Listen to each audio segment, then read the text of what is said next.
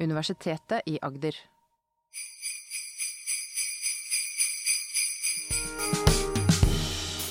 Mange av oss er vokst opp med julefortellinger om Emil, Pippi, Marikken, Lotta og de andre Astrid Lindgren-karakterene. Hvor henta Lindgren inspirasjon fra da hun skrev om julas stress, glede og spenning, og om medmenneskelighet i høytida? Universitetslektor Agnes Margrethe Bjorvann har oversatt, skrevet om og forska lenge på Astrid Lindgren og hennes fantastiske fortellinger. Dette er Spør forskeren julespesial. Mitt navn er Øyvind Eskedal, og i dag spør vi hvordan var Astrid Lindgrens egen jul?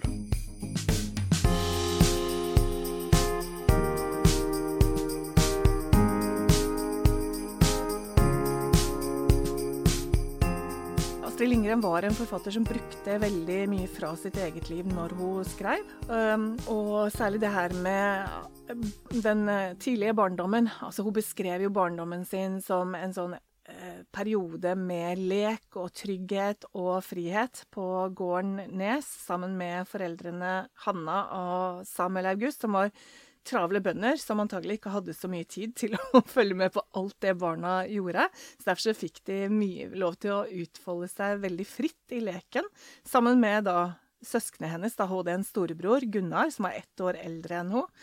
Eh, De var bestevenner hele livet, og da gode lekekamerater i barndommen. Og så var det to småsøstre, Stina og Ingjerd.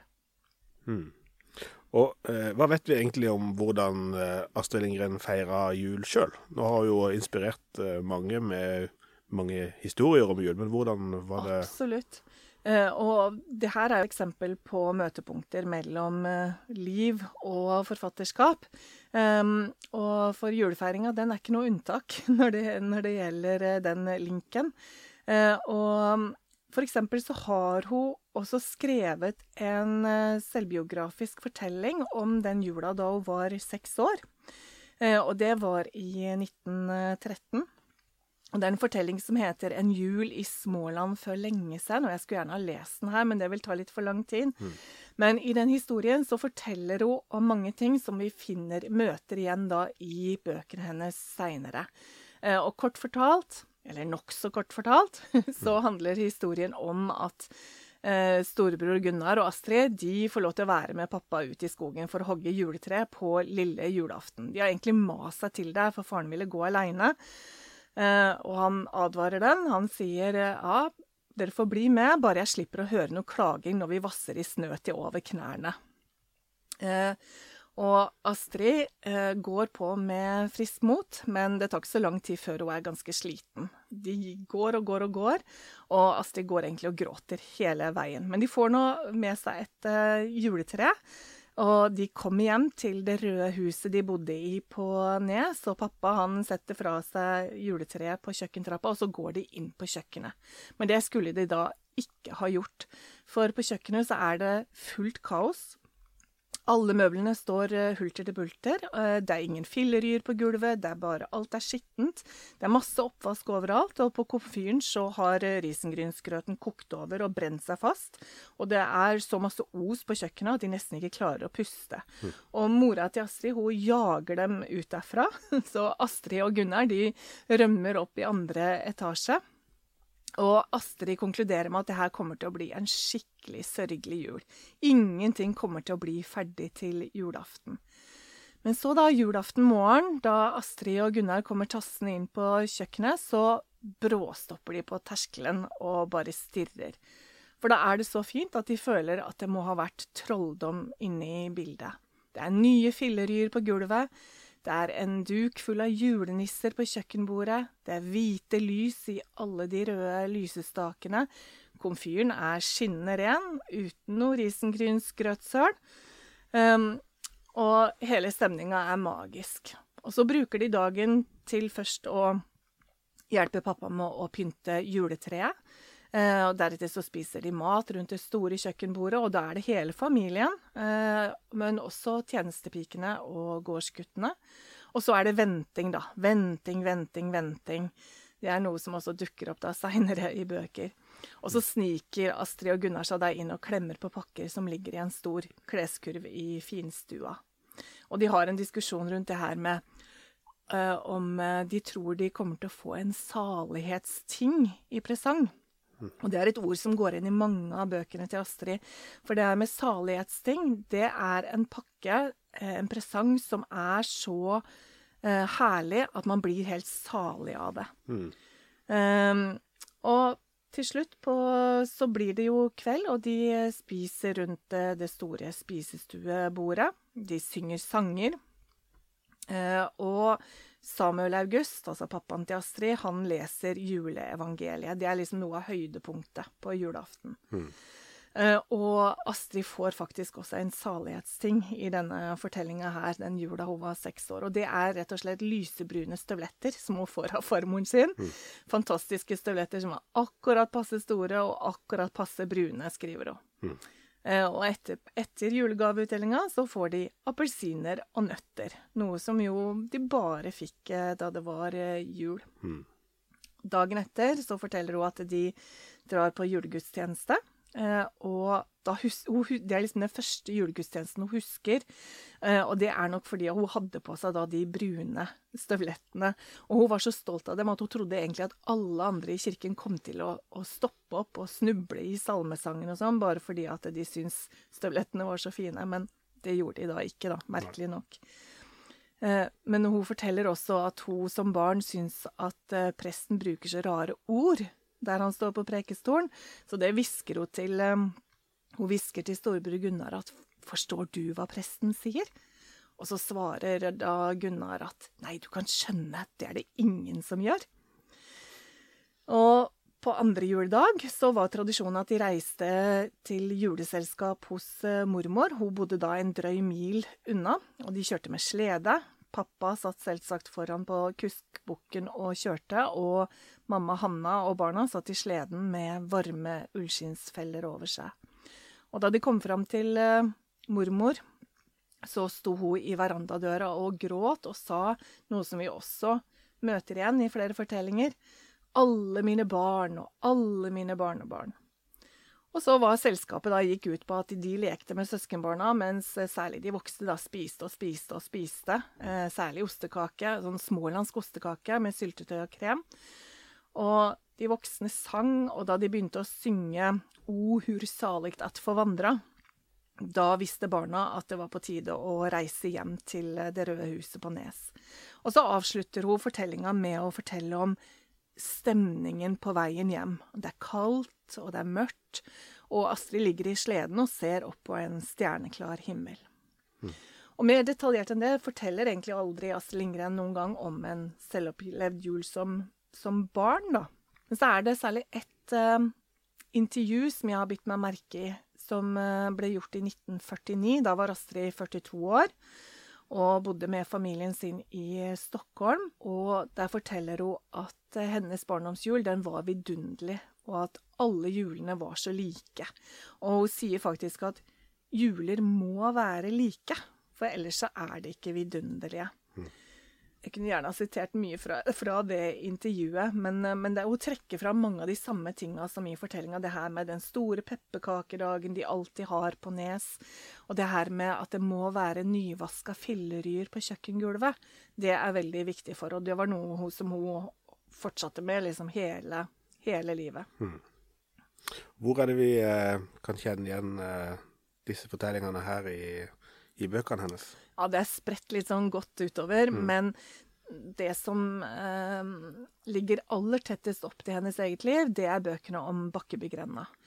For bøkene om Bakkebygrenda, de er jo tilnærma fullstendig basert på Astrids egen barndom. Hun pleide sjøl å si at det er sant, det som står i de bøkene. Og når hun skrev de bøkene, så så hun for seg at handlinga foregikk på gården Nes, men i bøkene så har hun lagt handlinga til de tre gårdene der faren hennes bodde da han var barn. Han bodde der til han var 20 år. Det er en gård som heter Sevetstorp, og som ligger ca. 15 km fra Nes. Og Samuel August altså Alle kan vel se for seg disse tre gårdene i Bakkebygrenda. Og Samuel August han bodde da også i det midterste huset. Og det er jo også her alle filmer om Bakkebygrenda er spilt inn. Og den av Bakkebygrenna-bøkene som virkelig tar for seg julefeiringa, og hvor vi kan kjenne igjen veldig mye av sånn som hun beskrev sin egen barndomsjul, det er jo bildeboka 'Jul i Bakkebygrenda' fra 1962, illustrert av Ilon Wikland. Eh, og jeg husker veldig godt den boka sjøl, eh, som barn. Eh, for da jeg var barn, så var det på en måte en magisk bok. Mm. Jeg fikk den boka da jeg var tre år, og den er nesten helt sånn lest i stykker. Mm. Og jeg husker altså, når jeg bladde i den boka, så kunne jeg på en måte kjenne at det lukta pepperkaker, rett og slett. Um, og den historien blir jo fortalt av, uh, gjennom um, perspektivet til hovedpersonen Lisa, som er basert på Astrid selv.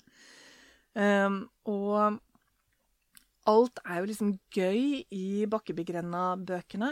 Og her er det altså mange paralleller til feiringa.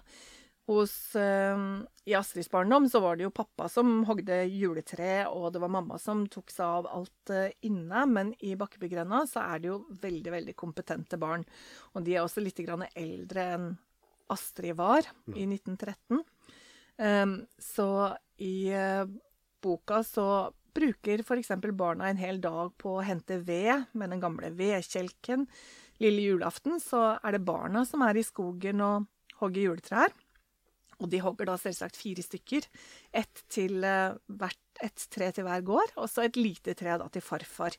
Mm. Som i likhet med på Nes uh, også bor da i Bakkebygrenda. Og på kvelden lille julaften så tenner de snølykter og går rundt og synger julesanger til alle gårdene. De pynter juletreet for farfar, som er nesten uh, blind. Mm. Uh, og om kvelden, når hovedpersonen Lisa legger seg, så forteller hun at hun er så redd for at mamma ikke rekker å få alt ferdig til julaften morgen. Altså akkurat sånn som Astrid hadde det sjøl. Mm. Uh, men akkurat som på Nes, så har da mamma rukket å få alt ferdig pynta til barna står opp på julemorgen. Og akkurat som i Astrids barndom, og i de fleste barns barndom kanskje, så oppleves julaften som den lengste dagen i hele året. Mm. Um, og de slår jo da i hjel tida med å pakke gaver og dele dem ut til vennene på nabogårdene. Mm. Og så kommer julemiddagen, og da er bordet dekka med hvite lys i røde lysestaker, akkurat som på Nes. Mm. Og akkurat som på Nes, så er det rundt kjøkkenbordet de sitter og spiser julematen. Skinke og pølse og sylte og lutefisk og grøt og masse annet som de også spiste eh, i Astrids barndom. Mm. Og ettermiddagen så beveger familien til hovedpersonen Lisa seg inn i finstua for å høre pappa lese juleevangeliet og synge julesanger. Mm. Og deretter så er det juletre gang, og de spiser nøtter og appelsiner. Så mm. her er det altså mange, mange, mange paralleller. Og dagen etter så er de på julegudstjeneste. Og i uh, Jul i Bakkebygrenda så hører vi ikke noe om at presten taler uforståelig. Der er det mye mer fokus på liksom den fine turen til og fra mm. kirken. Mm. Og så har det jo vært uh, jul i noen andre Astrid Lindgren-universet. Jeg hørte det, du, sa, du nevnte den store pepper pepperkakebakedagen, sånn sier ja. man det. Uh, Pippi mener jeg har hatt uh, stua eller kjøkkenet fullt av pepperkaker. Ja, det stemmer. Det er en scene som gjør inntrykk på de aller fleste barn når eh, Pippi hun, hun, snur jo verden på hodet. Hun mm. gjør jo ikke sånn som alle andre gjør. Så hun Hvorfor i all verden skal man bake på et bord der man nesten ikke får plass til noe deig, når man har egentlig hele gulvet til disposisjon? Mm. Så ingen feirer jul sånn som Pippi. Eh, og hun arrangerer jo også juletrefest for alle barna i hele byen. Mm. Men den julefeiringa eh, Det er flere julefeiringer som blir beskrevet i Pippi-bøkene, men den julefeiringa som gjør mest inntrykk på meg, og som sier veldig mye om eh, den rausheten som Pippi står for, det er den julefeiringa som hun steller i stand for eh, bestevennene sine, Tommy og Annika, i den tredje boka, som heter Pippi går til sjøs. Um, og da er forhistorien at Pippi og Tommy og Annika de har vært veldig lenge på Kurkurreduttøya. Og hele den lange veien hjem så håper de at de skal rekke fram til julaften. De er liksom med på å bygge opp spenninga i, i historien. Uh, men det klarer de dessverre ikke. Mm. Så denne gangen så blir det altså ikke jul i uh, tide. Uh, og Tommy og Annika de er skuffa, så hva gjør Pippi? Jo, hun bestemmer seg for å lage jul for Tommy og Annika rett etter at de har kommet hjem. Og som Pippi selv sier, jeg er energisk av natur, så derfor så klarer hun å hoste opp en mer enn god nok lindgrensk jul med juletre og stjerneskudd og et bord dekka med julegrøt og skinke og pølse og all mulig julemat. Eh, hun rekker til og med å bake pepperkaker og fattigmenn, står det. Og til og med gaver ordner hun. Og når det logiske barnet Tommy da sier at det er jo egentlig ikke jul nå, Pippi, så avfeier Pippi det ganske elegant med at jo da, kalenderen her i Villa Villekulla, den henger ganske langt etter. Jeg må levere den inn til en kalenderreparatør og få den justert, sånn at det blir litt fart på den igjen. Mm. Så da er ikke det noe problem heller. Mm. For eksempel jula i Bakkebygrenda. Det høres ut som en sånn idyllisk jul hvor alt blir bra mm. til slutt, og det blir koselig rundt bordet og sånn. Eh, fremstiller Astrid Lindgren noen andre sider ved jula? Ja da, absolutt. Det er jo pur idyll i Bakkebygrenda. Mm. Og det er ikke sånn i alle bøker. Uh, Astrid Lindgren har jo også veldig mange gode sosialrealistiske skildringer. Og da tenker jeg f.eks. på bøkene om uh, Madikken, eller Marikken heter hun vel på norsk. Jeg mm. liker å kalle henne Madikken fordi at navnet er fra, henta fra Astrids bestevenninne Anne Marie Friis, som stort sett ble kalt Madikken. Men ellers så er bøkene om Madikken langt, langt, på vei basert på Astrid selv. Um, og Madikken og familien de bor på Junibakken, som er et rødt hus som er hakket mer staselig enn det røde huset på Nes. Mm. Og Madikken er ei veldig sånn empatisk og veldig raus jente. Hun har et stort hjerte for de som er fattige. Eh, først og fremst for nabogutten Abbe Nilsson, men etter hvert også for den fattige klassevenninna Luse-Mia. Og det er en selvfølge for Madikken at man skal hjelpe de fattige. Og akkurat som Astrid og søsknene hennes alltid ble sendt med kurver fulle av mat til de som var fattige, særlig når det var jul, men også ellers i året, det var mamma og Hanna veldig nøye på, at man skal hjelpe de som er fattige, og i den første boka så er det en veldig sånn rørende historie om Madikken da, og bestevennen Abbe. For Abbe han har jo som sagt vokst opp i veldig fattige kår med en drukkenbolt til far. Og når julaften kommer, så er det ingen som har tenkt på å kjøpe julepresang til Abbe. Bortsett fra Madikken, da. Mm. Og Abbe selv, han har tatt ansvar og kjøpt ei lampe til hele familien og pynta med nisser og skaffa juletre. Eh, men så da, av Madikken, så får Abbe et munnspill som han umiddelbart begynner å spille på. Sånn at faren hans, herr Nilsson, han begynner å gråte. Og så løper da Madikken og Elisabeth inn og feirer julaften omtrent akkurat sånn som på Nes og i Bakkebygrenda. I den andre boka om Madikken så gir Madikken veldig, eller spontant bort noe som hun er veldig glad i, til den fattige klassevenninna Mia. For hun finner ut at den eneste julegaven Mia har fått, det er ei juleskinke som familien har fått fra Fattigvesenet. Og det syns Madikken er for dårlig. Det her med at noen familier får besøk av julenissen, og andre får bare besøk av Fattigvesenet, det syns hun virker veldig urettferdig. Så derfor så leter hun i lommene sine etter noe hun kan gi til eh, Mia. Men da hun ikke finner noe der, så kommer hun på at hun har et fint gullhjerte rundt halsen. Og vips, så tar hun av seg det tynne kjedet og gir det til Mia, og så løper Madikken og Elisabeth sin vei, før Mia egentlig har rukket å forstå hvor glad hun blir for den fine gaven.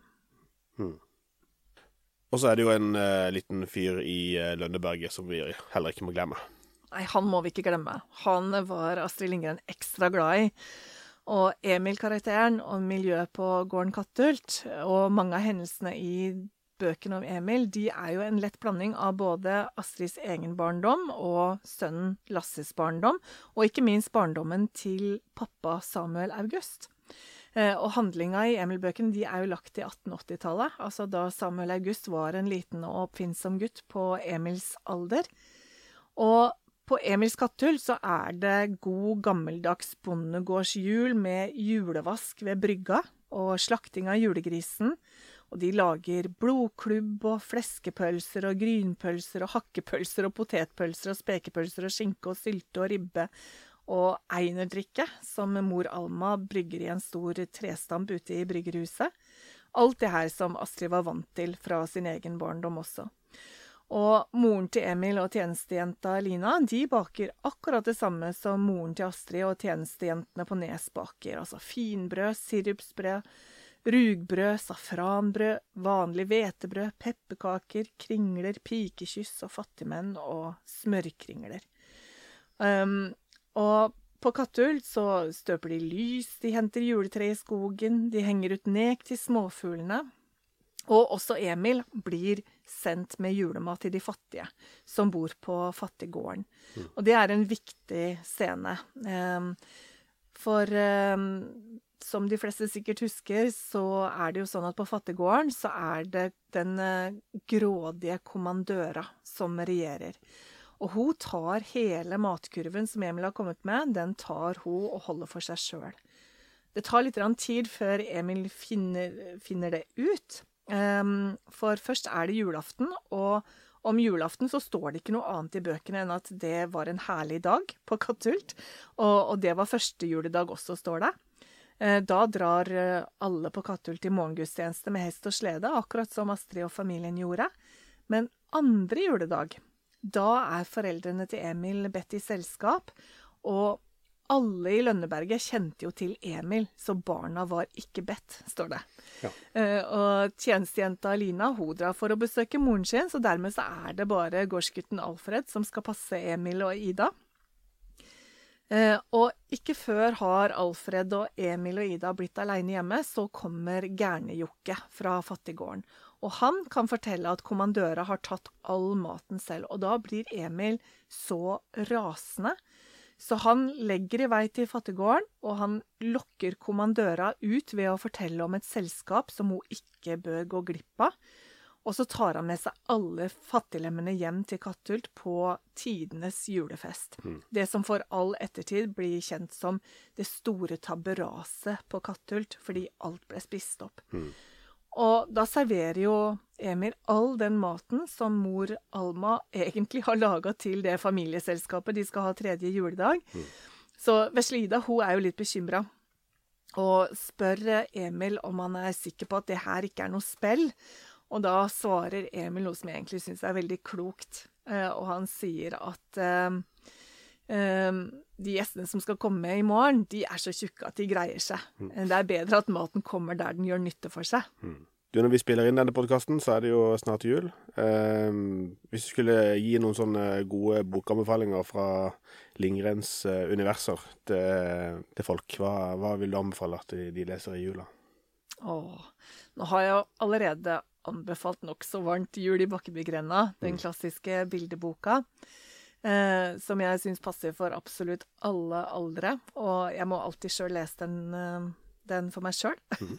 før hver jul. Mm. Men her er det jo et hav å ta av. Og hvis jeg skal trekke fram noen av mine favorittjulefortellinger, så Som kan passe for ja, både barnehagealder og, og, litt oppover, eh, så er jeg veldig glad i historien om eh, Kajsa Kavat, som hjelper mormor. Eh, for det er en sånn herlig historie om hvordan et barn bare kan få lov til å gjøre altså voksen, voksenting, da, og, og, så blir det jula likevel. Der også er det sånn fare for at jula skal bli avlyst, fordi mormoren til Kajsa Kavat um, får skada beinet sitt, eh, så hun får ikke gjort uh, noen ting. Så Kajsa på sju år må gjøre absolutt alt. Men en annen sånn herlig, herlig historie, det er jo den bildeboka om Lotta i Bråkmakergata som heter 'Jo visst kan Lotta allting'. Mm. Og Lotta hun mener jo eh, sjøl at hun kan absolutt alt, noe storesøsknene hennes ikke er helt enige i. Men i den boka som jeg tenker på, da, så er det eh, så er det jo sånn at det er snart jul, og det er pappas oppgave å skaffe juletre. Eh, Handlinga foregår på 50-tallet, og her er det ikke sånn at de drar ut i skogen for å hogge juletre. Eh, men pappa han har ansvaret for å kjøpe, og han har vært litt for seint ute, så det er ikke et eneste juletre å oppdrive. Eh, og han er jo også en ganske sånn hjelpeløs person, rett og slett. Så hele familien er veldig fortvila. Men så er det, da, det kompetente barnet Lotta som eh, går i kiosken for å kjøpe avis til nabokona fru Berg. Og så får hun plutselig se en hel lastebil full av juletrær. Og hun trygler sjåføren om å få lov til å kjøpe et tre, for hun har fått en krone av eh, fru Berg.